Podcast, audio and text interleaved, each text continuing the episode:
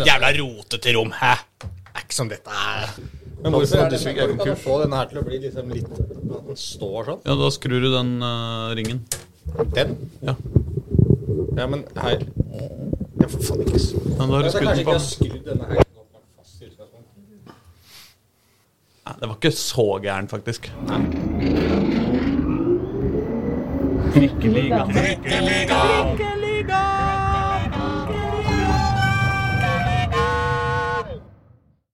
Mine damer og herrer og andre, velkommen til Trikkeligaen, Dagsavisens eminente podkast om Oslo fotball, som i dag fra våre splitter nye studioer eh, La oss kalle dem Arbeiderbladet Studios i uh, Haugsmanns gate i Oslo.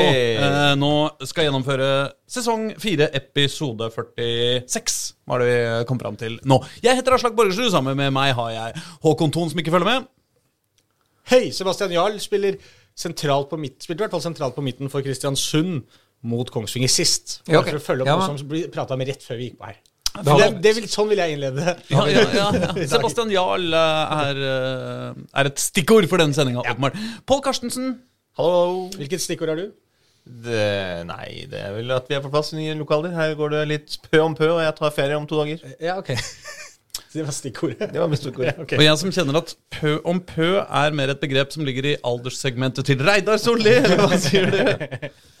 Men er det, er det ekko her? Eller er det bare jeg som har den følelsen? At det uh, svinger litt i tak, takplaten Altså, her? det er kanskje ikke helt ferdig lyddempa, dette studioet, så, så vi får bare håpe at eh, det låter ålreit for, eh, for lytterne. Foreløpig så er det glass, eh, glassbur, og det betyr jo at hvis eh, man klapper, f.eks., så hører man en liten sånn etter eh, Men det er litt avhengig av hvor, hvor man er i, i rommet. Jeg føler, er jeg, veldig høy i den ventilasjonsgreia, føler jeg. ja. Men ellers, jeg konstaterer at alle vi fire som faktisk samtidig var til stede på siste aktive match i byen her, vi har vel tint, tint opp og kommet oss igjen. Altså, Håkon drev jo og koste seg innendørs med 25 grader, og det var ikke måte på luksus. det var helt nydelig. Det var deilig. Jeg, eh, da jeg livedekka eh, Vålerenga mot eh, Tromsø, så hadde jeg TV 2-sendinga på øret, fordi vi har jo ikke noen skjermer eh, eh, å se på repriser og sånn, så vi må jo ty til, ty til TV da. Og da var det veldig hyggelig at det var du, som du jeg hadde, deg jeg hadde på øret, og som til og med gjentok flere, minst ett av mine poenger fra analysen av Vålerengas forrige eh, kamp, og da kjente jeg at eh, ja, da, da, da, da, da syns jeg ringen var slutta på et eller annet vis, da, vet du. Ja, ja, jeg tar jo med meg alt du prater om her, eh, inn i det jeg driver med andre steder. Ja, ja, ja, selvfølgelig. Det er jo, Men, men, ja, for du var innhopper, var det det? Det skjedde ja, noe, jeg skjedde noe ble bytta inn for allsaker. Du, bytte- du, du, du satt på benken, og så kom du inn? Ja. Ja. Så jeg var egentlig klar for at jeg skulle ligge hjemme på, måte på sofaen. Jeg hadde feira bursdagen min dagen før, så jeg var litt sånn, sånn ikke helt i toppslag, på en måte. Så jeg tenkte at det blir deilig. Så jeg ligger der på sofaen og koser meg med siste serien. Nå har jeg jobba på alle 29 serierunder, men så hadde jeg fri nå den siste. Skulle ha en sånn spansk kamp på kvelden. tenkte jeg, ah, Deilig, skal jeg kose meg med liksom drama der? Og så istedenfor så ble det bare Jeg sa det til eh, Simen når vi satt der også, at det er veldig rart at jeg på en måte for tre timer siden tenkte at og nå skal jeg ligge hjemme og kose meg med denne kampen, og så plutselig så sitter du og skal kommentere den på en måte istedenfor. og jeg fikk eh, kritikk også fra noen i Tromsø at jeg hadde ropt eh, ja da Vålerenga scora. Jeg husker ikke om jeg gjorde det, men jeg Det må, det må være greit. Men uh, det er kanskje ikke Jeg tror bare du, du har fått mer kritikk fra den andre hvis du hadde ropt nei. Nei, der tatt den! Um, Og Ilic. Nei, men, eh, men eh, Det er kanskje ikke bare vår eh, private opplevelser fra søndagen som skal, skal telle her, altså. Det er den kollektive følelsen Det er den kollektive følelsen. Nei da. Men det, det var jo forventa et sånn avsindig drama. Ja. Alle hadde på en måte regna sammen alle de vanvittig mange variantene, og hva om det snur i de siste tre minuttene, og så overtid og fram og tilbake, og alle venter på resultatene i den andre kampen og, og sånn. Jeg, jeg, Men sånn blei det egentlig ikke. Nei, jeg, jeg tenkte det før kampen, at her er det jo nødt til å bli altså, Det er nesten uunngåelig at ikke det blir noen tårer på et eller annet vis på, på banen her, føler jeg. Sånn av glede eller sorg eller et eller annet. Og, og at det Jeg kunne liksom ikke Jeg så liksom bare for meg at Vålerenga skulle på en måte enten klare å havne på nesten trygg plass, eller at de rykka direkte ned, på en måte. Og så ble det var sånn, Ja, men hvis Haugesund vinner, ja, så blir det uavgjort her, og så vinner Sandefjord, liksom. Da, da blir det litt sånn Ok, da blir det kvalik, og så har vi egentlig kom, ikke kommet noe lenger, på en måte. Vi må bare utsette eh, lidelsen eh, litt til. Eh, og så var det akkurat det som skjedde. Og det, som du sier, det var veldig overraskende at det blei så Det var liksom ikke sånn Og jeg satt her og tenkte sånn at det skulle være fem minutter igjen. Jeg sa det også på sendinga, at det er fem minutter igjen. At Vålerenga er så komfortable. Det hadde jeg ikke sett for meg. At, at liksom, for da leda jo Haugesund med to mål. Det virka helt sjanseløst. Da måtte Stabæk ha tre liksom, på fem minutter. Det var jo ikke noe snakk om det. Og så var det, det var selvfølgelig den der ene at hvis Lillestrøm skårer, da men, men det var liksom ikke noe spenning sånn sett i kampen til Vålerenga. Det var liksom egentlig ett fett om de slapp inn, eller om de skåra et til, på en måte. Det eneste som hadde noe å si, var om Lillestrøm hadde klart å score mot Sandefjord. Eller hvis Tromsø hadde skåret Ja, altså, til mot Ja Vålerenga. når de først det var skåra, ja. Men da, da ja, I, de 90, altså, ja, I de 90 første minuttene så var det egentlig lite drama. For det var jo, altså når Sandefjord skårte, da, så var jo den kampen absolutt over. Eh, og Haugesund vant jo 3-0, så den var jo også ganske grei. Og da eh, Vålerenga eh, leverte jo en veldig god prestasjon mot da, det som er kanskje det beste bortelaget i Eliteserien. Eh, Men der var det heller Altså det var ikke noe spesielt mye drama der heller. Det var liksom ikke sånn at du følte at Tromsø var spesielt farlige. Før de da skåret på overtid, og da ble det jo noen dramaminutter der. Og da så jeg at det var jo Om det var Borchgrevink som hadde kommet inn, eller om det var noe sånt, som så løp til benken og spør ja, hvor, hva er situasjonen nå, har vi rykka ned? Hva, altså, Og så fikk han bare beskjed om nei, så lenge dere liksom ikke slipper inn Martin, så går, går det greit, liksom. Ja, ja. Og da var det et par-tre minutter på slutten som var litt sånn bare Nei, faen, de skal ikke greie å rote det her vekk nå. Når de egentlig har hatt kontroll i 90 minutter. Liksom. Nei, Jeg sa vel til min sidemann at øh, da det fortsatt var 1-0 til Vålerenga Jeg hadde en sånn litt uggen følelse med vibber sånn tilbake til Norge-Skottland på Ullevål i juni. Ja. Altså på Skottland snudde alt på i, Ja, ja. rett før slutt og på overtid. Ja.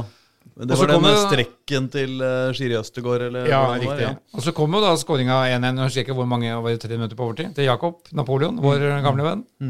Eh, og det er klart, da var jo Vålerenga ett mål fra nedrykk. Ja. Ja, men det føl Men det føltes ikke sånn. Vi rakk liksom ikke å kjenne på den Nei. følelsen, egentlig. For det var ikke, det kom på en måte Og Vålerenga var jo veldig kyniske på slutten her, og det var jo kramper og hei og hå. De Ja, lå nede ja. og bru- Altså, de var jo gode på det, å bruke tid her på slutten. Så det, det kom liksom aldri den derre jeg følte liksom de, de minuttene som var igjen, forsvant det litt feiring og litt krampe, på en måte. Det, det var liksom ingen situasjon, det var ingenting som skjedde etter det, følte jeg. og litt sånn overraskende at man måtte vente så lenge på at det skulle skje noe. Og når det først skjedde, så var det bare det som skjedde, på en måte. Og så seilte man rolig inn i natta. Det som er altså litt overraskende, er at hvis Tromsø hadde skåret et mål, så hadde de tatt sølv også. Ja, ja, det så, var jo helt, så for eh, Tromsø så hadde det liksom også ja, så Tromsø feira jo som bare det etter matchen der. De holdt det på lenge. Og tenkte jeg sånn Jeg Ja, veit ikke hvor fornøyd jeg egentlig hadde vært, for det var sånn alle resultatene gikk så veldig i deres favør, og så klarte de bare ikke å slå det dårligste hjemmelaget i, i, i ligaen. Altså, dere veit at hvis dere hadde skåret et mål til, så hadde det fått sølv? Liksom. Altså, så de, altså, de starter jo på bronse. Leverte en middels kamp, fikk bronse. Men dere må huske at dette, både Tromsø og Vålerenga hadde jo tatt dette resultatet før kampen.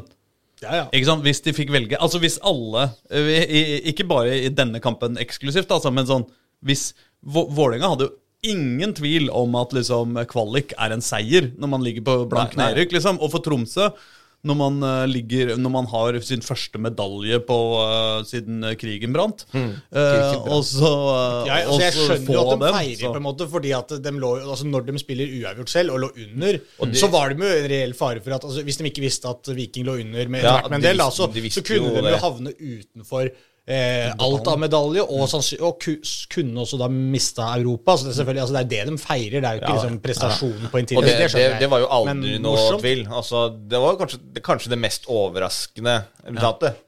Altså, Både eh, Brann og Viking tapte. Ja, ja altså Brann også, ja, det. Men at Viking tapte 1-5 hjemme for Rosenborg. Så Rosenborg har jo vært ferdigspilt siden sommeren. Altså, de, altså, de har jo ikke sett ut i måneder sin. Og så har Viking der en mulighet Altså Hvis dere vinner, så kan dere få medalje. Og så taper de 1-5, liksom. Det, altså, det er jo Jeg ja. nesten det er mer overraskende med Brann. Ja, fordi at eh, Brann har sett så sinnssykt gode ut sjøl. Viking har jo ikke selv sett så veldig bra ut jo siste tida. De har jo til Strømsgodset. Eh, ja. Og de måtte jo vinne for å komme på den 700-plassen som jeg spådde de på. Ja. Så derfor så, så gjorde de det. Så det, Ja, men- Isnes har vi kontroll på. Men tilbake til Intility. Jeg snakka med min gode kollega i NRK Troms, Gunnar Grinstein, som har sett alle Tromsøs kamper i år. Ja. Og han mente jo at dette var den klart svakeste bortekampen Tromsø har spilt i år. Det er jo det er jo ingen kamper de har skapt så lite i som der. Og det, og han var overraska at, at det ikke gikk mer for det. Ja, jeg også tenkte det. Fordi At, det, eh, det var, fordi, for sølvet var jo Det lå jo Ja, som du sier, bordet det, var- jo dekka. ja, til pause der så så, så du man jo liksom at ok, det er resultat, alle resultatene var allerede da i Tromsø sin favør. Det eneste de trengte å gjøre, var å skåre ett mål og holde nullen mot Vålerenga. Og det skapte nesten ingenting. Nei, og, og det skal jo Vålerenga ha kred for, selvfølgelig. At, ja. at de er såpass altså, Vålerenga som har sett så dårlig ut defensivt i så mange kamper denne sesongen, at de skal stoppe Tromsø, som har sett så utrolig gode ut i så offensivt i så mange bortekamper denne sesongen. Altså, de to siste kampene her nå Altså, Oldrup Jensen, Kiel Olsen og Stefan Strandberg har altså vært så gode etter at de starta det første sekundet borte mot HamKam, og til egentlig da eh, kampen mot Tromsø var ferdig, så har de tre sett ut som et veldig, veldig bra forsvar, syns jeg. altså, de har Det som vi har på en måte klaga på så mye i løpet av sesongen, hvordan de på en måte ikke egentlig ikke har vært liksom dårlige, men de har liksom vært 20, sek- 20 cm for seine inn i den taklinga. Liksom. De har liksom ikke greid å få foten foran. Det har liksom klabb og babb inni boksen har alltid blitt mål mot Vålinga. Sånne ting.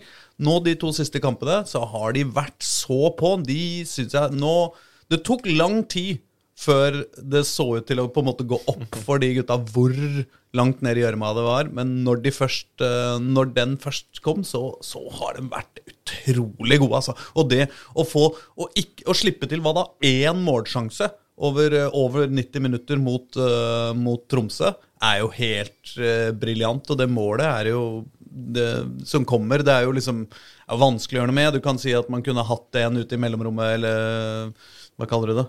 Returrommet der eh, på forhånd, men eh, Men eh, nei, det syns jeg har vært Det er det aller mest oppløftende nå, syns jeg er de tre gutta, hvordan de nå har funnet ut av ting. Ja, men én ting er jo hvor lang tid det har tatt uh, før de har skjønt saker og ting, eller hva det var du sa. Men en annen ting er jo hvor lang tid det har tatt før de har skjønt at Aron Kiel Olsen må spille i det forsvaret der. Dette har vi faen meg snakka om siden første episoden denne sesongen. At mm. nå har de henta han. Vi syns han virka så utrolig eh, passende for det Vålerenga-laget. Og så har det liksom tatt så lang tid å, å prøve han i det hele tatt. Det er det som har irritert meg mest. da. Jeg har vært litt sånn åpen på at det kan godt hende han ikke er god nok. liksom at det er noen grunn, Men hvorfor de ikke verden har spilt han litt mer, det skjønner ikke jeg. Men han har jo vært innom, og det er jo ikke sånn at Ja, han har vært alt for lite, feilfri det er det som er poenget. han har vært Var litt skada også en periode. Ja, han var skada, men det driter jeg i. Han, han skulle vært inne og spilt med en gang. Når de henter en spiller som, går, som passer perfekt i Vålerenga, hvorfor er han på benken? Hvorfor spiller han på andrelaget? Det har vært så provoserende for meg hele sesongen. Altså, En ting har jo vært Bolly, liksom, som vi har snakka om. Han er gøy og sånn, liksom. Men her har du en, en kjapp, dritgod stopper som er liksom akkurat det Vålerenga. Og hvor trenger du en kjapp stopper? Hvor, hvor finner vi han, da? Altså, han sitter og spiller på andrelaget deres. Irriterende meg. Og, og, og nå også den kampen her. Måten han er inne og blokker skudd på, det er det som nesten er det herligste. Det Tromsø-laget som har snakka om hele sesongen, sånn vi skal klappe hverandre på skuldra og juble for blokkeringer og det greiene der. Eh, Kiel Olsen han jubla ikke for noen av de blokkeringene, tror jeg, men han har jo gjort det i flere kamper nå. Der, han er sånn, jeg vet ikke om det er fordi han har posisjonert seg litt feil og havner på etterskudd, det kan godt hende det er det, og at man må hive seg, men han ser i hvert fall spektakulært ut. Og, og det skaper energi liksom å se stopperen gå inn der og, og, og ta de skudda. Og så veit jeg ikke om det er så enkelt heller at du bare har satt han som sentrale stopperen der, og, og Strandberg til høyre, Jo, og så plutselig så, tror- så, så det mye tror det har hjulpet, for det, det er mye av det vi har påpekt av Vålerenga sitt forsvarsspill tidligere i år. Det er bare at det, altså, I hvert fall når de har hatt da Strandberg og, og Oldrup Jensen, og så har de jo gjerne hatt kanskje enten Kreuzrigler nå det siste, eller Bitteri. Ingen av de er jo spesielt raske, de heller. Så, så det, har liksom vært, det har vært så lett å så, eh, så bare spille en lang ball i bakrom, liksom, og så kan du bare løpe For alle som er kjemperaske. Eh, og da må de enten ta veldig mye altså, eh, dybde, da, eller så må, altså, blir de fraløp, liksom. Men mens når de da har satt Kiel Olsen der i midten, så kan jo liksom de to andre der gå opp i de duellene. Fordi de veit at liksom, hvis de taper duellene, eller hvis de kommer bakrom, så er Kiel Olsen rask nok stort sett da, til, å, til å løpe opp de, de ballene der mot eh, de som er i eh, Altså de de møter. Så, så, så det er liksom akkurat det. Altså den, den kombinasjonen der med, med liksom de ferdighetene også, med at han er litt raskere enn de to andre, det har jo hjulpet de to andre også veldig. Så det, det overrasker meg jo også at de brukte liksom 27 serierunder på å finne ut at kanskje vi skal bruke en som har litt fart i vårt far. Ja, altså, og Grunnen til at vi skulle ha fra start, var jo nettopp det. At Fagermo skulle jo stå høyt, spille ball. Mange folk inne på offensiv banehalvdel. og Da er det jo den stopperen du skal ha. Altså, han passer jo nesten bedre i en sånn type fotball som Vålerenga har spilt i starten av sesongen, enn det de har spilt på slutten. Men han, han er god nok til begge deler. Men han må spille stopper, da, ikke spiss. Det så vi. Han fikk jo en sjanse der eh, til å score hvor han dro til eller var det 37 meter over mål, eller noe sånt. Og det var egentlig en brukbar mulighet. Han fikk jo et feilaktig mål annullert Ja, ja, mot, mot, Lillestrøm. Ja. Det er de mye irritert på, på fortsatt. Men, men det var den første kampen mot HamKam, altså, hvor han spilte i midten. Ja, bak ja. Så de fant Du kan vel ikke klage hvis du får et feilaktig mål annullert? Nei, ikke Nei, han fikk et mål annullert. Men det var først altså nest siste kamp at han ble brukt i midten av de tre stopperne. Ja, så det Men akkurat det grepet der, det er mer sånn der for meg sånn eh, det, Der forstår jeg ikke nok av en sånn trestopperskonstellasjon til å forstå hvorfor Om det er det seg selv som har gjort at det har fungert, så klarer ikke jeg å se hva det er som gjør at Strandberg skal ligge til høyre for han istedenfor til venstre, på en måte. Altså, jeg klarer ikke å skjønne at det skal ha noen sånn utløsende effekt. Det eneste er jo Jeg, jeg, jeg, jeg er enig med deg der. Jeg har heller ikke så greie på på Nei. trestopperlinja, liksom. Men, men det er jo veldig ofte sånn som Vålerenga spiller dette, at den, bakerste, at den midterste stopperen er den som er bakerst i oppspillsfasen. Og da, hvis man får brudd mot seg, så blir det jo stort sett han som da ligger dypest. Ja, men sånn Eh, offensivt når- så tenker du at det er fint å ha Strandberg der, med pasningsfoten og sånn, når Vålerenga har ballen, på en måte. Mm. Men det er klart, da kan du like godt slå pasningene fra, fra sju meter lenger til høyre, på en måte. lettere å vinkle også når du spiller liksom på, på en av sidene. da Og du skal slå opp en ball, så er det jo lettere Ja. å vinkle det enn, enn når du får liksom Men, men ja. Nei, altså. Skulle jo bare tro at det ikke hadde så uh, mye å si. Altså, det, det er, viktigste er jo avtaler deg, altså dem imellom. Men det kan være noe med det som du sier der, at, det, at du har en midtstopper der eh, i Strandberg som skal på en måte være den, den bakerste sviperen, på en måte, da, og, så har ikke han nok tempo. Mens nå har man kanskje fått litt mer trygghet med at Kiel Olsen er der. Det høres jo rart ut at man skal få mer trygghet defensivt eh, med Kiel Olsen liksom sentralt, at han skal på en måte være hjertet i det forsvaret, men du blir jo på en måte ikke kanskje det likevel. Nå er det bare at hans egenskaper passer bedre. Altså, Det som Pål er inne på, altså, da får du de andre litt mer i frihet. da, Aldrup Jensen og, og Stefan, uh, Stefan Strandberg kan støte litt opp. ikke sant, Bryke, Strandberg kan gå opp i dueller, prøve å ta de først, og så kan uh, Kir Olsen falle av og, og prøve å snappe opp hvis det kommer noe løp der. Så det må jo være noe sånt, da. Det er jo som i, i håndball. Nå er det jo tross alt håndball-VM, er det ikke det? Jo. Eh, det er jo, der er det jo vingene som skal være først opp og først ned. Ja. Det betyr jo ikke at det er de som er de viktigste og mest sentrale spillerne i laget. Men de har likevel noen ansvarsoppgaver for å, for å ta overgangene, både offensivt og defensivt. Ja. Så, så på en måte så tenker jeg at Aron Kid Kiel Olsen er uh, Vålerengas Camilla Herrem. Ja. hun er god, hun. Vær så god. Uh, for den gavepakken av en sammenligning. Nei, men uh, Ellers så må jeg si jeg Det kan jo også bare være litt tilfeldig eh, også, at man bare gjør en endring i den forsvarsfirmaet. Altså, og så bli, får man en litt annen følelse på det, liksom. Altså, at, eh, nå, skal, nå, nå Strandberg, nå får du liksom de arbeidsoppgavene der, så kan du bruke de styrkene du har, litt istedenfor de styrkene du har der, på et eller annet vis. Jeg vet ikke. Altså, De har jo prøvd- de har jo øvd på dette, da. De har jo, de har prøvd. De har det jo. De, de, de har jo Kanskje det som er De har jo end- endelig da, prøvd prøvd å bytte øve litt på på, på treninger. Så det, det er en grunn til at de gjør den endringen. Ja, men hva, den er, hva grunnen er, er liksom Det tror jeg er tempoet til Geir Olsen. kort ja, man, ja. Men uh, videre nå, da, så er det Ja, det er. Kristiansund. Det, nei, det er jo Borte og hjemme. Jeg må jo bare legge til, jeg syns det var litt interessant at Jakob Romsås satte oss etterpå. At han, han var letta da. Han var, måtte innrømme at han var glad for at ikke Vålerenga rykka ned pga. målet hans. Aha, han var det. For han har eh, litt for mange kompiser sa han, i, i Vålerenga. Ja. Ikke minst barndomskameraten Magnus Sjøeng. Ja. Så, han syntes det var ille hvis han hadde blitt avgjørende scoring for nedrykk. Og Kanskje derfor de ikke gikk så beinhardt for det på sluttminuttene. De skapte jo ikke noe mer etter den skåringa. Nei, de prøvde. Men du satt jo med følelsen at det var det som skulle skje òg, da. Det var med liksom var det tre av disse Oslo-gutta på benken fra start som kunne komme innpå. og både Napoleon og Painsil kom jo, kom jo inn, og én scora. Du føler liksom at det er, de som, det er det som er historien her, på en måte, nesten. At det, Ja. nå, det er Tromsø Oslo, er billig Vålerenga, på en Ja, måte. ikke sant. Oslo-gutta til Tromsø som sender Vålerenga ned. Det var liksom, det Ja, det var litt liksom- an til det. Ja, det var i kortene. Og det var jo første skåringen til Tromsø siden september, tror jeg. Ja. Han har jo hatt en uh, tørr høst, sånn Ja. sett. Men Zakarias Oppsal ikke var den, eh, han var jo ikke den giganten som, eh, Nei, som nei, jeg har fått beskrevet på forhånd. Nei, og som vi har sett han som før på Intility også, egentlig. Han har jo vært, vært god. Men uh, det er Men det er ikke over, nei. Så Nei. største taperen, eneste taperen på sånne er vel uh, VIF Intelligity-sjef Stig, som må holde varmen i gang, holde fyr på kjelen i en uke til. ja. Det er vel 30 000 i døgnet i strømutgifter, tenker jeg. Cirka. I tillegg til Stabæk, da, som jo faktisk rykka ned.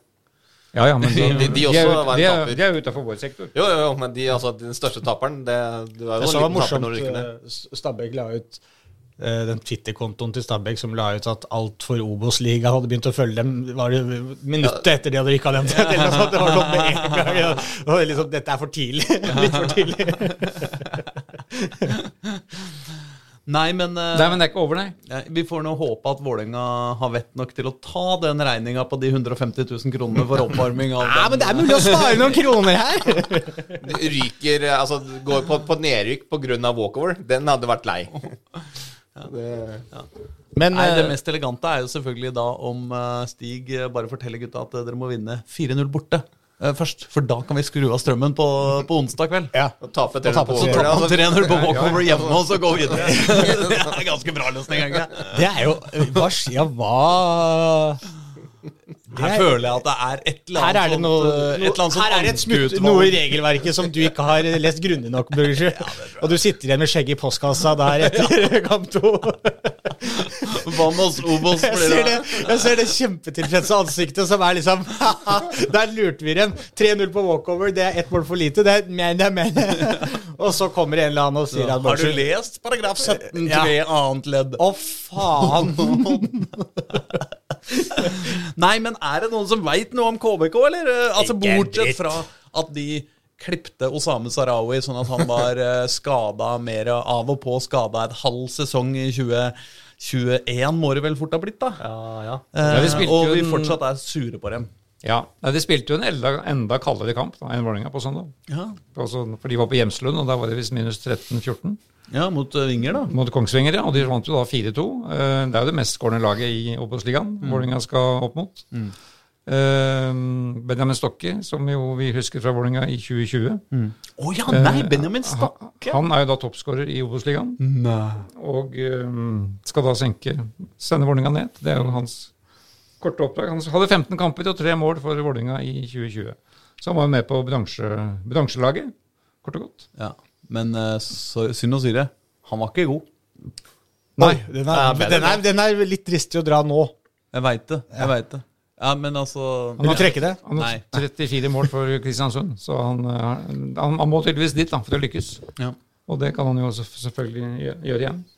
Nei, også Vi som er, er glad i å finne til Oslo-linker, så har vi jo Sebastian Jarl, som vi snakka om her før sending. Ja, Tidligere Kjelsås og Koffa. Mest, mest Kjelsås, vel. Ja. Men som du sa, han spiller midtbanen, var det sånn? Ja, Det sto i hvert fall at han spilte det mot Kongsvinger. Ja, det gjør han sikkert fortsatt. Men han er jo en sånn spiller som kan spille vel både sentralt på midten der, stopper og back, og han, han kan bekle flere roller, han. da. Men han er ikke først og fremst en målgjører, da. Men, men eh, det er i hvert fall en, eh, en spiller med Oslo-øyne å følge litt med på. Men Men vi har jo først og fremst treneren, da, Amund Shidi. Han har spilt lenge i Vålinga. Seriemester med Vålinga i 2005. 2005 ja. Og var jo også i 2006. Og så kom han tilbake som assistenttrener til Ronny Deila i 2017. Ja. Det jeg husker fra det, er at han, han spilte kassegitar og leda allsangen på Rockefeller på kickoffet før sesongen 2017. Da var det Amund Shiri som dro i gang allsangen. Så han kan tre grep, iallfall.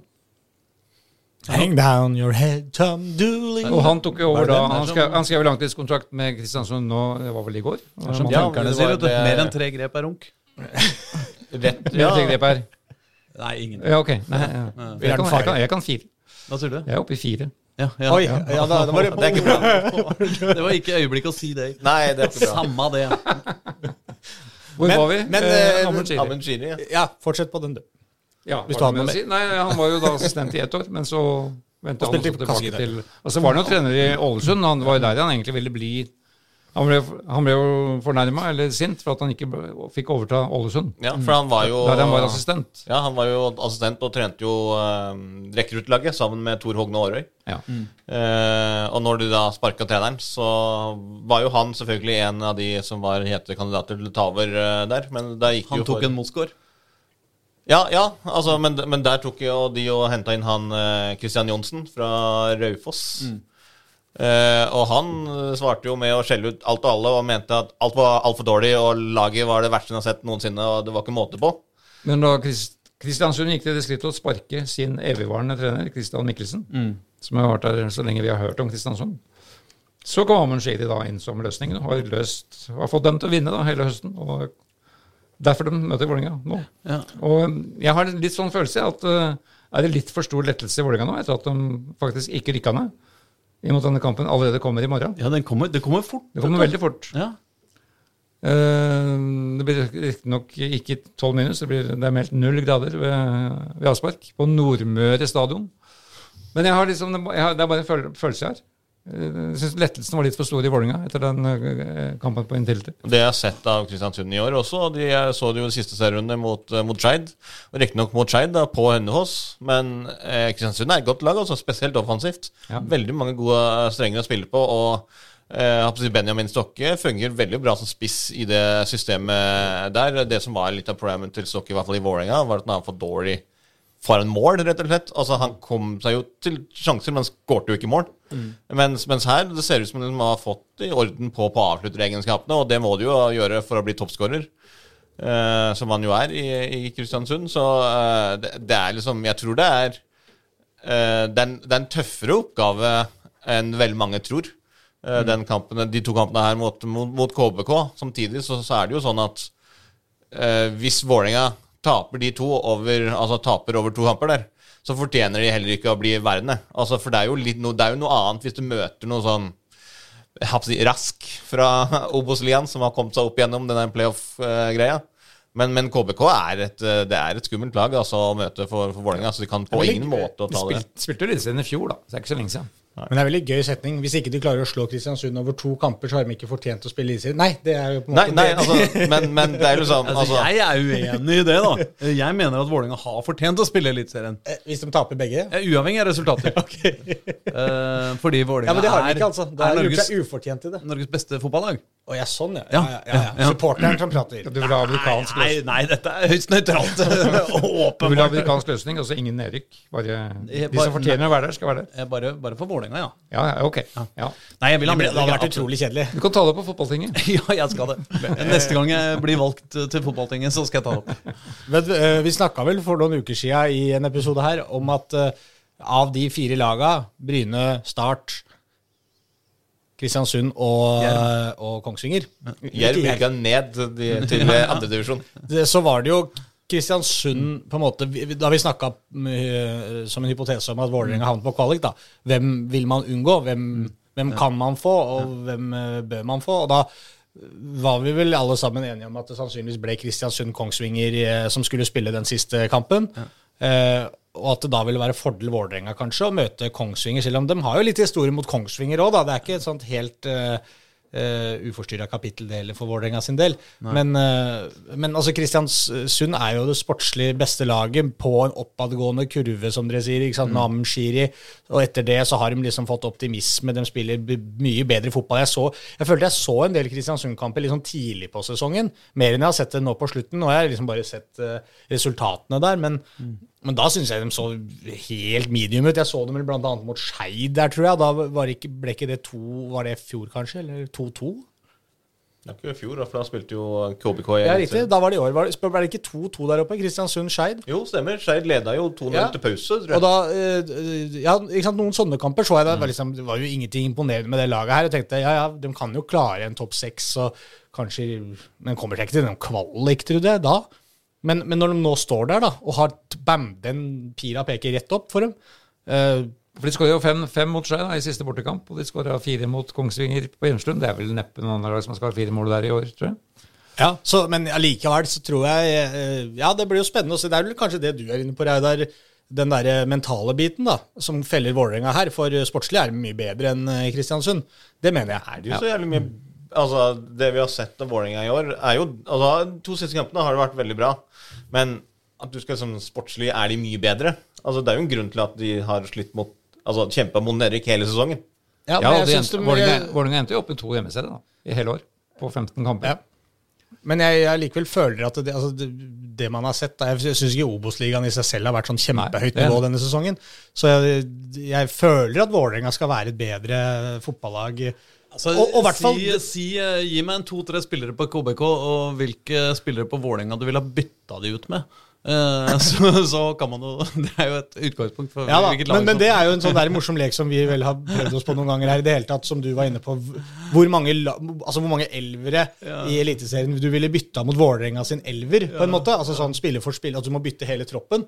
Uh, og det, det er jo ikke så mange lag som du var inne på da, som man faktisk ville bytta med. Og KBK er i hvert fall ikke et av dem. Nei, nei, nei nettopp. Så, men altså, det er jo på en måte hvor høy kvalitet det er på hver enkelt spiller, da. Så er jo laget noe annet igjen, men Ja, det var det samme vi var litt inne på foran Tromsø-matchen. Altså Hvor mange Tromsø-spillere ville gått rett inn på Vålerenga-laget? Ikke så veldig mange, det. Neida. Men uh, dette har jo med hvordan man utvikler et lag å gjøre. ja. Det er jo sensasjon at Tromsø var havna der de havna. Og det skumle er jo, som du sier, også det, det offensive til Kristiansund. Og det mentale til Vålerenga. Hvis Kristiansund da bare pøser på, fra start da, og får en scoring med en gang altså, For det tenkte jeg litt på nå mot Tromsø. Jeg tror det var utrolig viktig at det var Vålerenga som skåra det første der.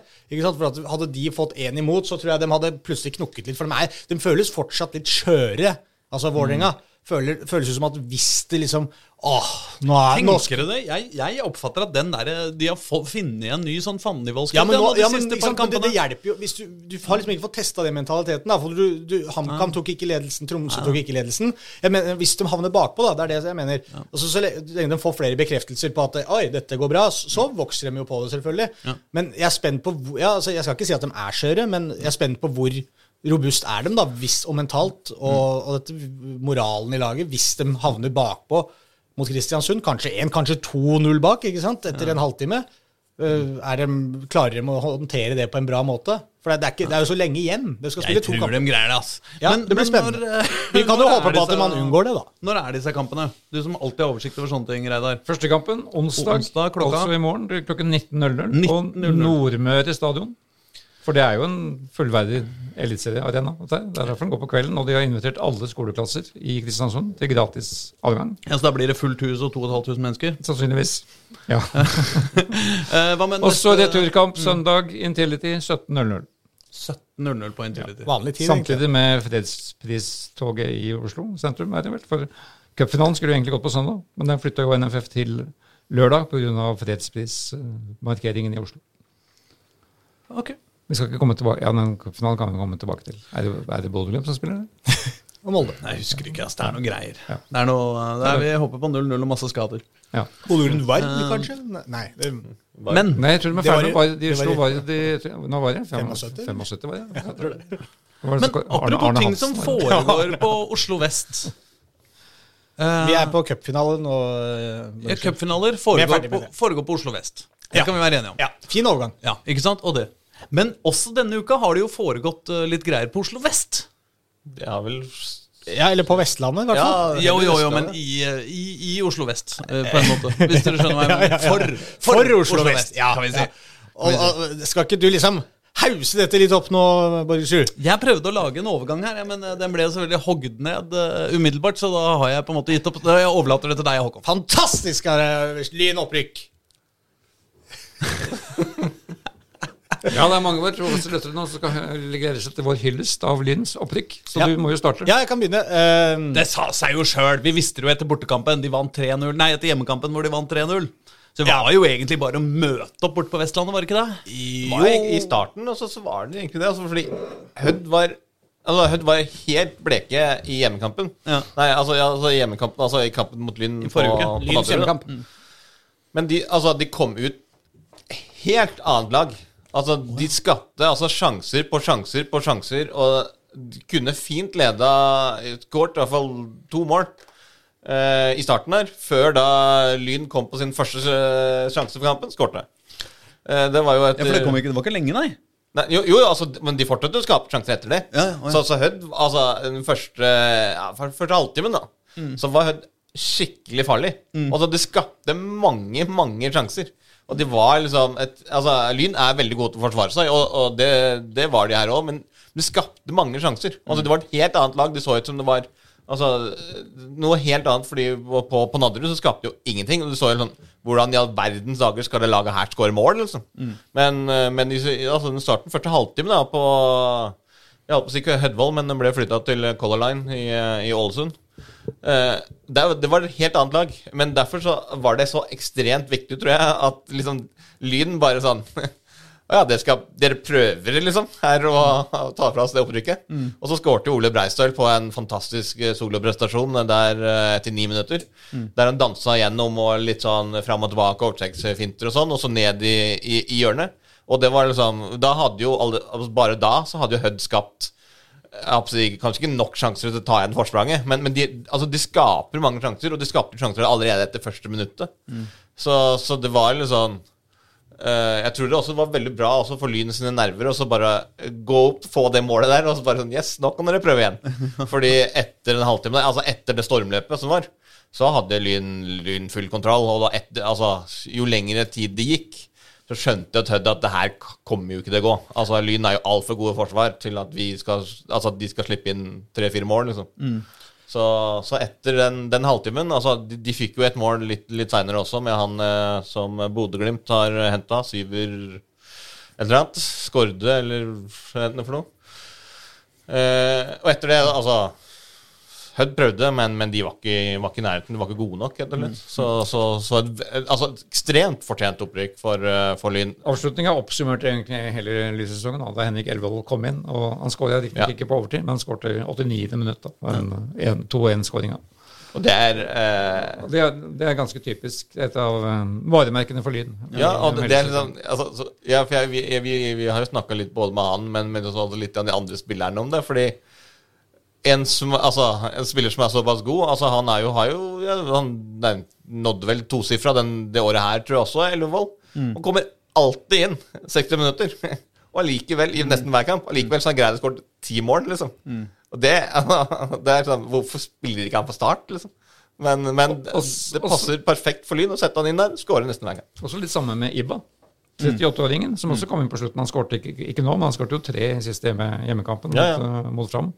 Og har vel skåra ni, ni mål totalt i hele sesongen. Litt morsomt. Kuriositetsjubileum. Det er jo ti år siden Jan Halvor Halvorsen rykka opp med Bodø-Glimt. Eh, Da liksom den deres storhetstid i hvert fall var i en gryende startfase. Og da var jo Iba Lajab med på det laget også. Da han kjørte, kjørte Glimt opp i Eliteserien. Og se hvor de er nå. Dem er nå! Ja. Ja. Da kan du fabulere videre, Håkon. Og hylle Lyn. Og hvor er uh, Hylle Lyn, og hva som ligger foran dem. Ja, eh, det, eh, For å sitere Jan Halvor Halvorsen, da. Ja. Uh, man må ikke glemme det, at Lyn er et nyopprykka lag. og det er veldig sjelden et eh, lag i moderne fotballen rykker opp to år på rad. Og det er En ting her er Altså, I sjuende divisjon skjer jo det. Ja, ja, men i Men i toppfotball toppfotballen, Ja, liksom, ja. det er jo helt eh, Det er jo helt crazy. Ja, og, og? Jeg føler at prestasjonen faktisk overskygges litt av klubbnavnet her. At det er Lyn det snakkes om. ikke sant? At det er et lag som selvfølgelig hører hjemme både i førstedivisjon og i Eliteserien i Norge. Men prestasjonen er, eh, er så sterk sånn mentalt. da. Altså, Hvis du ser for deg at du for, eh, på, på vinteren da, for, for ett år sia Du har rykka opp akkurat fra eh, tredje til uh, andredivisjon. Eh, og, du skal, og du skal starte på oppkjøringa til eh, en sesong der. Og andredivisjon er knalltøft. Altså Det er så mange lag som rykker opp fra tredjedivisjon, som får det steintøft i, i, på det tredje nivået. Og da og, og, eh, altså Den der mentaliteten der, den jeg syns har vært så imponerende der. At de har uh, turt å gå utpå der. Eh, virker som de på en måte har sagt utad at dette kommer til å bli tøft, det er vanskelig å rykke opp og sånn, men at de innad har vært veldig klare på at vi, vi skal prøve så godt det lar seg gjøre, ser vi hvor høyt det bærer. Og så plutselig var de med i den der opprykkskampen, og så var de jo egentlig så det jo ut som de skulle rykke direkte opp. De hadde jo i sine hender der eh, på høsten, tidlig på høsten i hvert fall. Så så, så det ut som at nå, nå dette her Og de hadde gjort unna de vanskeligste kampene, det er enklere program. Alt pekte for Lyn. Og så skjærer det seg lite grann. Men de klarer på en måte å holde dampen oppe likevel. Kommer til den siste serien og vinner 10-1. eh, og ryker med ett mål der. Altså, de, de på en måte de har blitt slått ned og reist seg opp igjen så kjapt gang etter gang.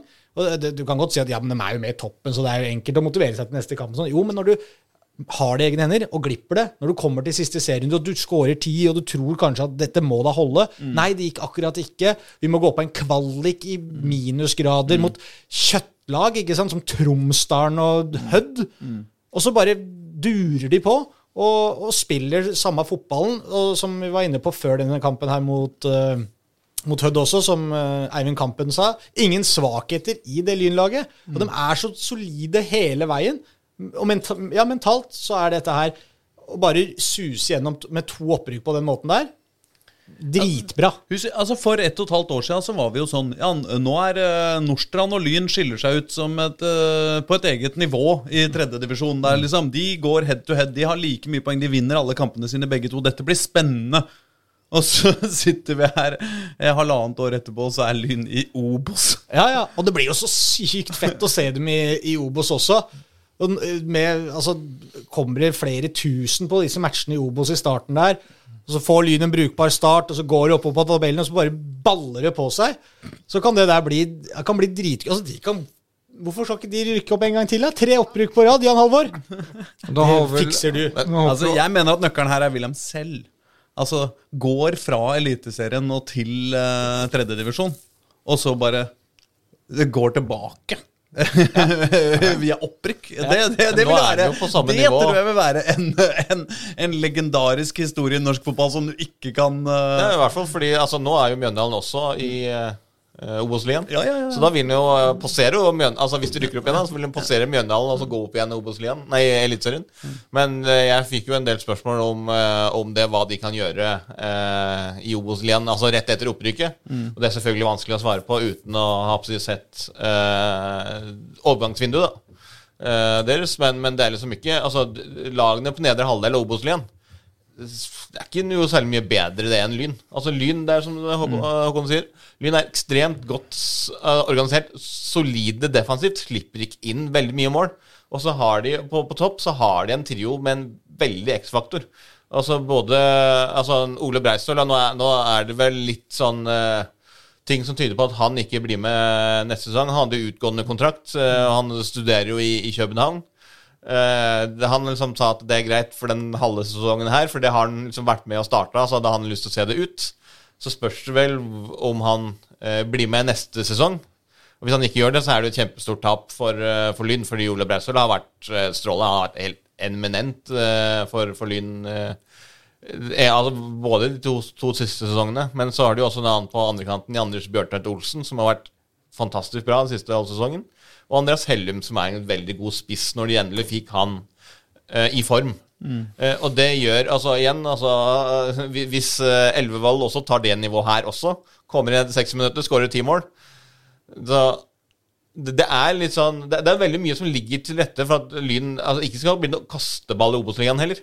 Men så er det liksom eh, det nivået som du ser i Obos-ligaen. Det kommer uh, igjen også an på håper hvem som, som er igjen av, av Vålerenga og KBK. da eh, For hvor langt opp de kan komme. Eh, og det er litt sånn eh, Får du en seiersrekke på rett tidspunkt, så kan du blande deg inn i hva som helst i Obos-ligaen. For så jevn er den ligaen. Men, men liksom, altså, eh, at de sånn i utgangspunktet er kanskje tiendeplass, eh, tolvte Altså midt på tabellen der, da, et sted, som, som Lyn liksom, med kanskje dagens tall kan sikte seg inn på som, som realistisk. Det vil jeg ikke se bort, eh, se bort ifra, med tanke på den altså, spillstyrken og også den mentaliteten de har. Nå har de to opprykk på rad. De har nesten ikke tapt kamper på to år. Så kommer de der opp i Obos-ligaen og tenker hvorfor skal vi tape for det her? Liksom? For det, altså, mange av de lagene som ligger i bunnen der, er ikke særlig mye bedre enn de lagene som ligger i toppen av andre divisjon. Jeg snakka med treneren til Tromsdalen før første kampen mellom disse lagene i forrige kvalikrunde. Man Han sa det at da man har sett av Lyn på, på TV, og uten å forsterke laget, så er de garantert topp åt- åtte i Bo- Obos-ligaen eh, neste år. Ja, jeg også Og tror det. Og så har de vist seg evnen til å kunne erstatte toppskårerne. De hadde jo David Tavakoli var jo toppskåreren i fjor. Ja. Over, over 20 mål. Var det. vel. Men han, han er jo få som snakker om. Han ble enkelt erstatta. Ja, det er klart. Hvis du skal, eh, hvis du skal eh, finne deg en ny klubb i Obos-ligaen og er en jævla god spiss, så er det jo ikke nødvendigvis eh, Lyn eh, det dummeste Nei, altså, Lyn, blir jo, lyn er jo veldig er jo nesten Altså, eh, hele veien helt opp til de er i Eliteserien, så er jo Lyn et av de mest, uh, en av de mest attraktive klubbene å spille for. Fordi det er kule rammer, det er, kule, det er, bra, det er bra trøkk rundt laget. Du får testa deg liksom eh, med litt sånn uh, press utenifra.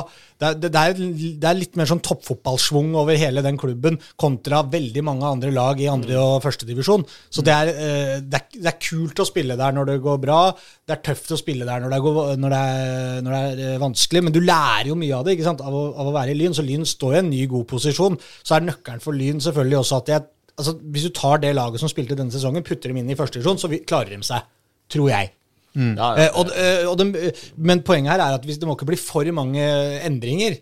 Fordi det, det, Når vi snakker om dette lynlaget, så er det sant, Du drar fram William selv, og det er gøy, den historien om, om selv, og at sant, mange som sikkert rynka på nesa da han dro ned der og tenkte sånn Ha-ha, nå har han eh, dumma seg ut, for han tror Lyn skal bli, bli dritgod på et par år, liksom.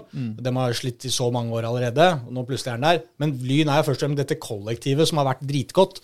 eh, og, og, drar ut for mange av de pinnene i det tårnet der, så velter det selvfølgelig. Så, så det laget her må du prøve så langt det lar seg gjøre. og selvfølgelig ta noen litt tøffe avgjørelser på hvem som, hvem som kanskje ikke holder mål her, og hvem som ikke kan stå på den lønningslista. Men at du må beholde så mange som mulig av den startelveren her, det er klart. Og så får du inn, får inn en eller to Her igjen tror jeg det bare når du er et lag som Lyn, få inn en eller to klassespillere. Det er det, det er det oppgaven deres er nå. Få inn to stykker som går inn på det laget og hever det litt. Grann. Ikke noe vits å hente noe sånn veldig sånn derre sånn, ja, Her har vi en 17-åring som ser litt, litt spennende ut, liksom, som kan sitte på benken og få noen minutter. Klart du kan gjøre det hvis, hvis du har penger til det, og, det, og det er, han virker attraktiv nok, men få inn to stykker der hvor du, hvor du, du føler at du får mest igjen for det.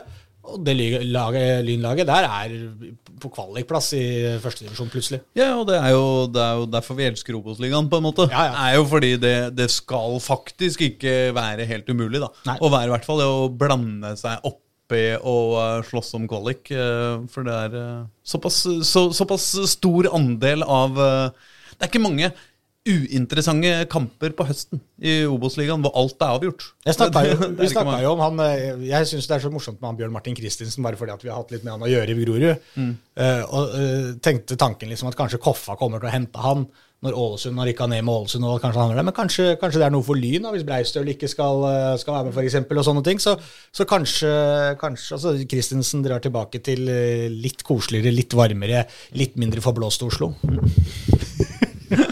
Jeg snakka med, med, med Jan Ove Halvorsen i, i går. Da var han på vei i bil til Trondheim.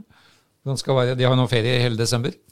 Og han bygger jo hus i nord for Trondheim, så vi får bare håpe at Rosenborg ikke snapper han opp mens han er der oppe. Det er mange lag som skal ha nye trenere nå, men han bedyrer at han skal, han skal fortsette. Han har jo kontrakt med Lyn. Og det som han pekte på, var jo at eh, kanskje største utfordringen nå med Lyn er, er, er, er klubben, i- ikke laget. Altså, Ja. han Daglig lederen Bjørn Jønsberg har jo vært uh, veldig aleine på det kontoret de siste åra, og, og, og veksten har jo kommet veldig, veldig fort her. Så liksom organisasjonen Lyn har ikke helt hengt med i svingene. da. Uh, og nå blir det enda mer logistikk når vi, rykker opp i Obos-ligaen. Men nå, nå har han visstnok fått litt hjelp da, på kontoret. Og han har jo Glenn Hartmann som sportssjef rundt seg. Vi må jo sende en liten blomst til gamle VIF-gutt Tor Ole Skullerud. Som tross alt var den som henta Jan Halvorsen til Lyn. Halvorsen hadde jo ikke tenkt tanken på dette her før eh, Skullerud tok kontakt med han for for noen år siden. Gutten har jo aldri bodd i Oslo før, så han skjønte ikke hvorfor han skulle hit. Men han eh, gleder seg da til Obos-ligaen, og de får jo seks millioner ekstra bare automatisk ved TV-inntekter. Og er jo inne i toppfotballprosjektet, skal på treningsleir i Marbella i februar, og er jo en del av det der topprosjektet med Eliteserien og Obos-ligaen. Og det, Um, Det kan jo hende at eh, de pengene man da får altså Som sagt, jeg tror det lynlaget der nå mer eller mindre kan være godt nok til å holde seg. At kanskje man Det kan hende at det ikke er noe altså I hvert fall ikke internt vits å liksom sette seg en målsetting om at vi, vi, vi må prøve alt. Altså Man har ikke noe hastverk med å komme seg til, til Eliteserien neste sesong, for å si det på den måten. da Og at Hvis man klarer å stable et ok lag på beina, så har man noen penger igjen, så man kanskje kan bygge den organisasjonen litt grann mer, sånn at man kanskje neste sesong da går litt hardere for det opprykket og kommer til Eliteserien eh, ikke, så, for, ikke som en sånn eh, slakt, da. Eller eh, hva heter det? Ikke slakt, det er ikke slakt før det er slakta, men altså sånn eh, Hva heter det? Sånn, eh, sånn kasteball, var det noen som sa her i stad. Men altså, det skal jo sies Nå, nå, nå eh, Hvis dette kan sies uten å framstå sånn veldig, veldig surmulete og, og lynhatende, så, så er det jo noe med at eh, f- Sett utifra så ser det så lett ut når du har penger ofte. Ikke sant? Det er lett å skylde på penga. Ja, men de har jo penger. Det er derfor de får det til. Hvorfor har Koffa greid det så bra, Grorud greid det så dårlig? Nei, fordi Koffa har penger. Hvorfor har Lyn rykka opp nå? Fordi de har penger. Ferdig med det. Men så veit jo vi jo i fotballen at eh, penger holder ikke. Ikke sant? Det er eh, Særlig vet man det i Vålerenga. Særlig vet man det i Vålerenga. Det er uendelige eksempler på at penger ikke holder. Og det Lyn har fått til som er så jævlig imponerende, er jo at de har jo greid å lykkes med å kaste penger på problemet. Og, eller hvis du skjønner hva jeg mener, å bruke penger, da. Ja. Ikke sant? De, har, de, har, de har brukt penger. De har jo brukt penger. De har jo åpenbart mye større budsjetter enn de konkurrentene deres, øh, øh, både i tredje og andre divisjon. Det har gått- det har gått 4-5 millioner i minus hvert år Ikke sant? på veien her, Ja, som så de bare henta inn hver høst. De har brukt mye penger, og de har lykkes med å bruke mye penger. Og det er jo egentlig et argument for å tenke motsatt av det du antyder nå. Ikke sant? Og tenke at ja, men, ja, men ikke sant, denne det, ikke sant? Nå får de inn masse nye penger inn i organisasjonen fordi, fordi man rykker opp, liksom.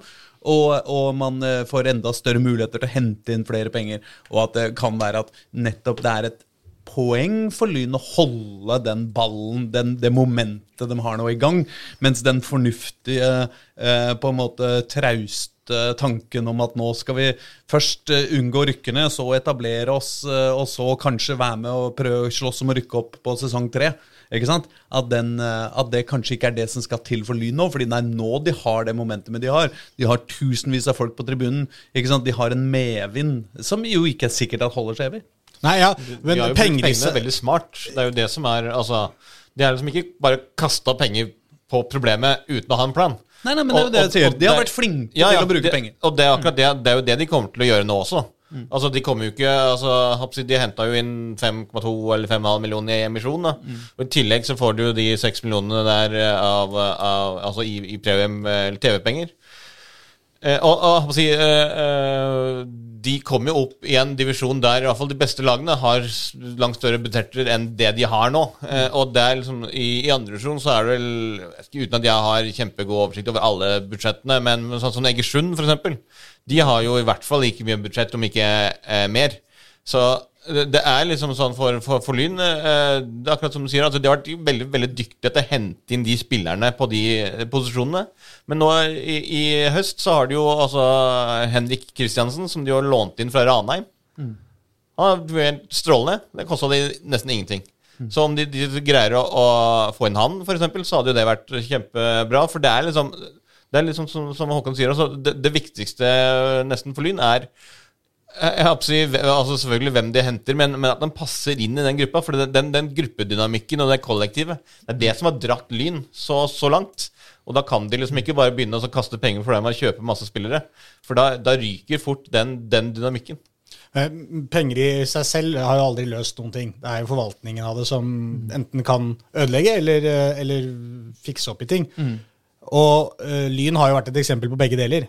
De har jo, Ja, ma- ja, de har jo mange sesonger brukt hauger av kroner på å prøve å rykke opp og bytte av trenere og hele spillerstallen år for år for år. Idiotisk bruk av penger er også Ja. historien om hvorfor Lyn er der de er. Ja, så, så, så, det, så det er jo litt interessant at de nå på en måte har gått fra det ene til det helt motsatte. At det nå virker som de faktisk klarer å forvalte de pengene riktig. Jeg jeg er helt enig i det du sier, at de, de må gjerne liksom bruke momentum og gå videre på det, liksom.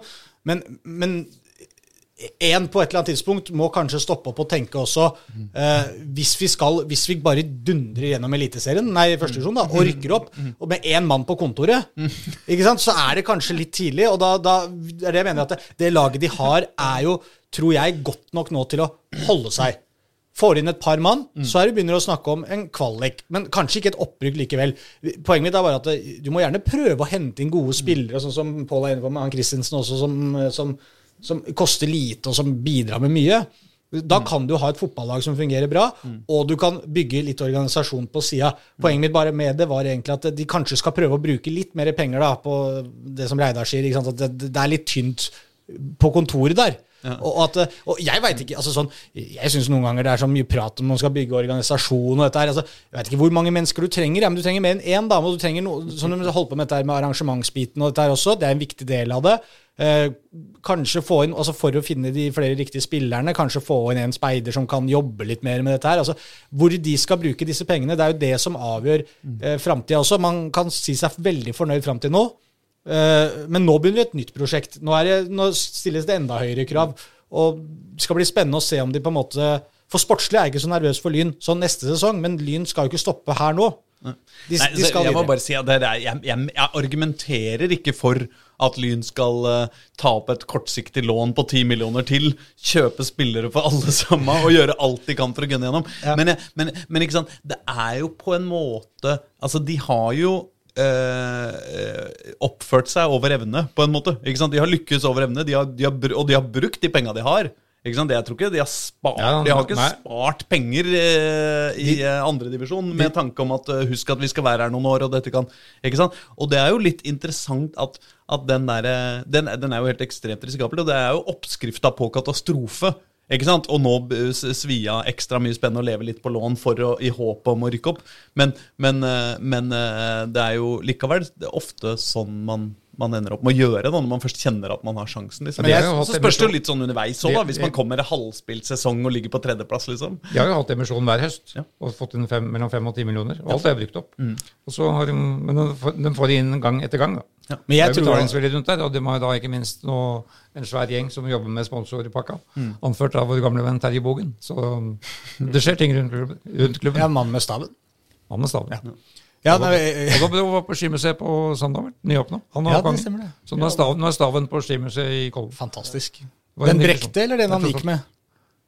Den han Den- gikk med som brakk. Ja, den bogen kom med. Er det mye sånn sponsormerker nedover hele den staven nå? Jeg skal opp der til uka og se. Jeg skal sjekke Ja. Nordea Jeg skal få, den skal jeg få oppdatert senere. Den den heter nå Coop Prix-staven. heter den. ja, ja. Men Men jeg, snakkisen der ute nå Ja, du skulle noe mer? Nei, det var bare at eh, eh, jeg altså, Hvis man tar opp dette kortsiktige lånet, altså den der litt ville varianten, da, og, og går for liksom pang, kjøre på sånn, så er det jo eh, Ja, hvis det funker, så er det verdt det, på en måte, men jeg, den, den, det opplegget som jeg skisserer her, er jo på en måte det jeg tror er best for Lyn, både sportslig og administrativt, altså for hele klubben. Fordi at Hvis de bruker mye penger på å hente inn mange nye spillere, så drar du bort mange av disse bærebjelkene og den mentaliteten som er i spillergruppa. Og da tror jeg du har brukt opp mye penger på å ha et lag som er eh, bare like godt, og som koster mye, mye mer. Så Derfor så tror jeg på en måte at de pengene brukes kanskje mer riktig på andre ting enn bare å hente inn sju-åtte spillere. da, på en måte. For Vålerengas del vil jeg holde på fullstendig det motsatte. Ja, ja, men historien til Lyn har jo på en måte gitt dem svarene på dette. da, tilbake til det, ikke sant? De har prøvd begge deler. Og jeg tror ikke de, det, er, det er ikke sånn at de sitter og hører på denne podkasten her nå og tenker jøss, det var jævlig smart tenkt av han eh, Håkon. Kanskje vi ikke skal bruke så mye penger på spillere som vi hadde tenkt neste sesong. Jeg tror jo Det jeg sier nå, er jo litt i den banen de helt sannsynligvis eh, tenker. For noe annet ville jo være å bryte med det som har fungert de siste årene. At man har, det, det viktigste er jo hvem du henter, ikke hva de koster. Problemet er at hvis noen i Lyn hører på denne podkasten her nå, hvilket vi jo kan regne med at, uh, at uh, en og annen gjør, så kommer, de jo til, å- så kommer de jo til å bli så høye på seg sjøl og tro på at det faktisk er realisme at de skal være med i opprykkskampen i 2024. Og sjøl om dette er Det er liksom vanskelig å argumentere veldig hardt mot det, men alle vi veit jo at det er jo ikke realistisk at Nei, de altså, skal være det. Det er jo usannsynlig at de skal spille kvalik om opprykk til Eliteserien om under et Ja, år. usannsynlig er det ikke, for er du med i førstedivisjon, så er det sannsynlig for at du spiller kvalik til enhver tid nesten 40% Ja, så når- så det, det er ikke, Å spille kvalik er ikke sånn. Men, Men når du snakker om Det er ikke sant, Håkon. Det, er altså, det, er, det, er, Det er to altså, kvaliker, da. jo, men se på Bryne, da. De spilte kvalik nå. De lå jo på nedrykk tidlig på sesongen. De var jo helt i bånn. Det var jo ingen som trodde at de skulle spille noe kvalik heller. Så Og ikke kom og det fortell meg at det Bryne-laget der er bedre enn Lyn, for det er de ikke. Og de spilte kvalik nå. Kan godt hende du får bare én kvalikkamp, det er greit. Men jeg har ikke noe tro på at Lyn rykker ned med det laget de har nå. Ja, det er helt enig. Og det- Et av Halvorsens styrker er vel nettopp å finne, finne smarte spillere. Da. Han har jo et vanvittig kontaktnett over hele landet. Hele landet. Han har vært i alle klubber snart. Så den evnen til å finne spillere som passer inn i det konseptet, der har vi vært. Og de, de er ikke veldig kostbare. Nei. Det har jo vært nøkkelen dette her. Men den store snakkisen her ute nå er jo blant uh, Lyn-supportere at de vil ha Vålerenga som motstander i Obos-ligaen neste år. Selvfølgelig. Og jeg spurte jo Halvorsen om det også i, går, selvfølgelig, og han svarte jo like diplomatisk som han gjør på alle spørsmål, som han, da han var hos oss i Ja. Nå. Han ingen rykker Han har bare fokus på eget lag. Ja. Han møter de de møter. Ja. Men vil vi ha Vålinga, vil, altså, Bør vi ha Lyn Vålerenga neste år? Nei. Nei, svaret på Det er, kanskje ikke, det er ikke vits i å spørre deg, kanskje. Nei, men eh, vi er en Oslo-podkast, skjønner du, Reidar. Nå Ja, bare forteller jeg deg et par faktum her i livet. Ja, det kan du gjøre. Vi håper ikke at Oslo-laga rykker ned. Nei. Det er på en måte en av grunnpilarene i denne podkasten. Det det er et problem her. Det er, for å svare på spørsmålet til Reidar Vil vi ha Vålerenga-Lyn neste sesong? Ja visst søren vil vi ha det. Men vil vi at Vålerenga rykker ned? Nei. Og det lar seg på en måte ikke kombinere. Unntatt i cupen. Da blir det cupen igjen. da. Ja, blir cupkamp. Ja. Vi satser på cupen eh, til neste år også. Men dere, altså neste sesong altså, Nå nærmer vi oss eh, I en lykkeligere eller mindre lykkelig situasjon så hadde denne sesongen vært ferdig nå. Men det er den jo heldigvis da på et vis eh, ikke. Vi skal uh... Vi har jo alltid stilt og pratet Hva skal vi snakke om etter sesongen? Det er jo veldig lang offseason, men det blir kortere og kortere for oss nå. Vi har hele tida noe aktuelt uh, sportslig å snakke om. Men vi skal helt åpenbart etter sesongen snakke grundig om Lyn, uh, møte folk der. Vi skal snakke grundig om Vålinga og planene der, og vi skal selvfølgelig snakke om Koffa og hva som skjer der. For ikke å snakke om i toppserien, og der har vi jo mange lag også.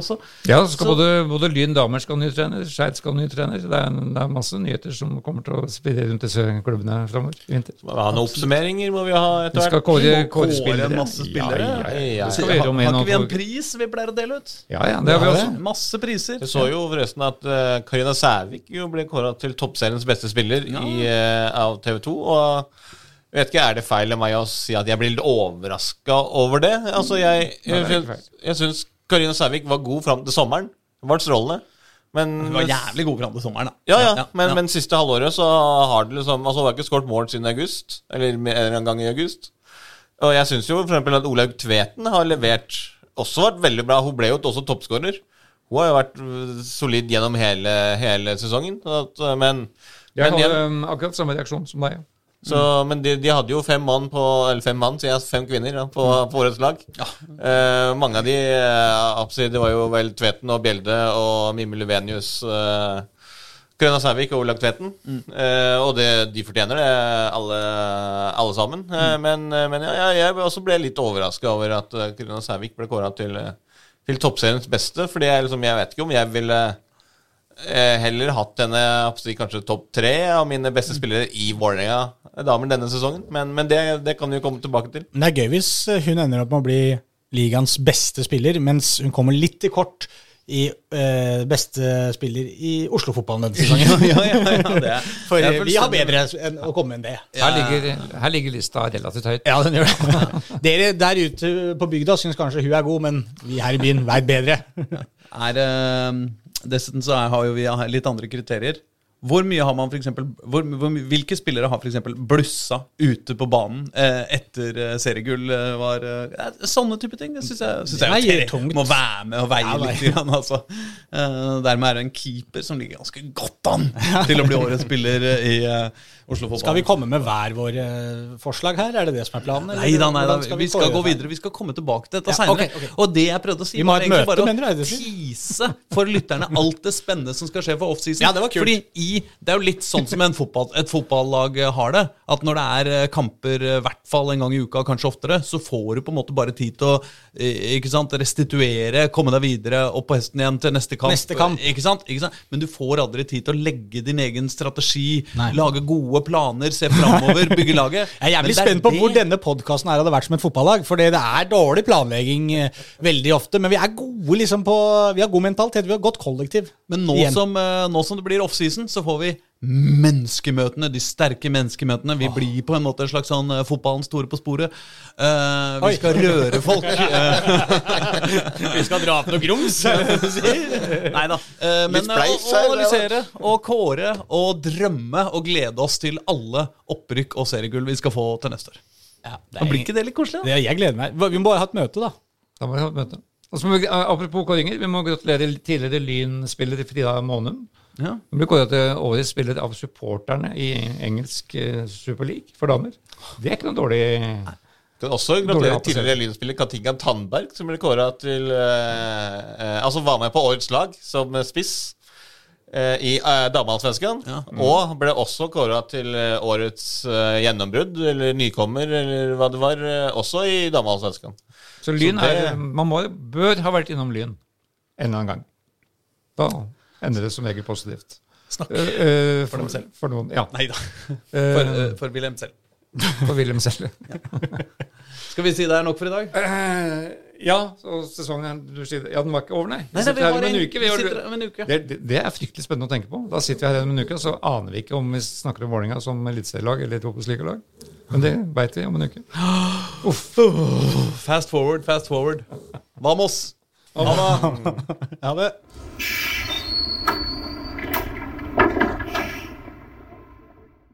Du har hørt en podkast fra Dagsavisen. Ansvarlig redaktør heter Andreas Heen Haaland Karlsen.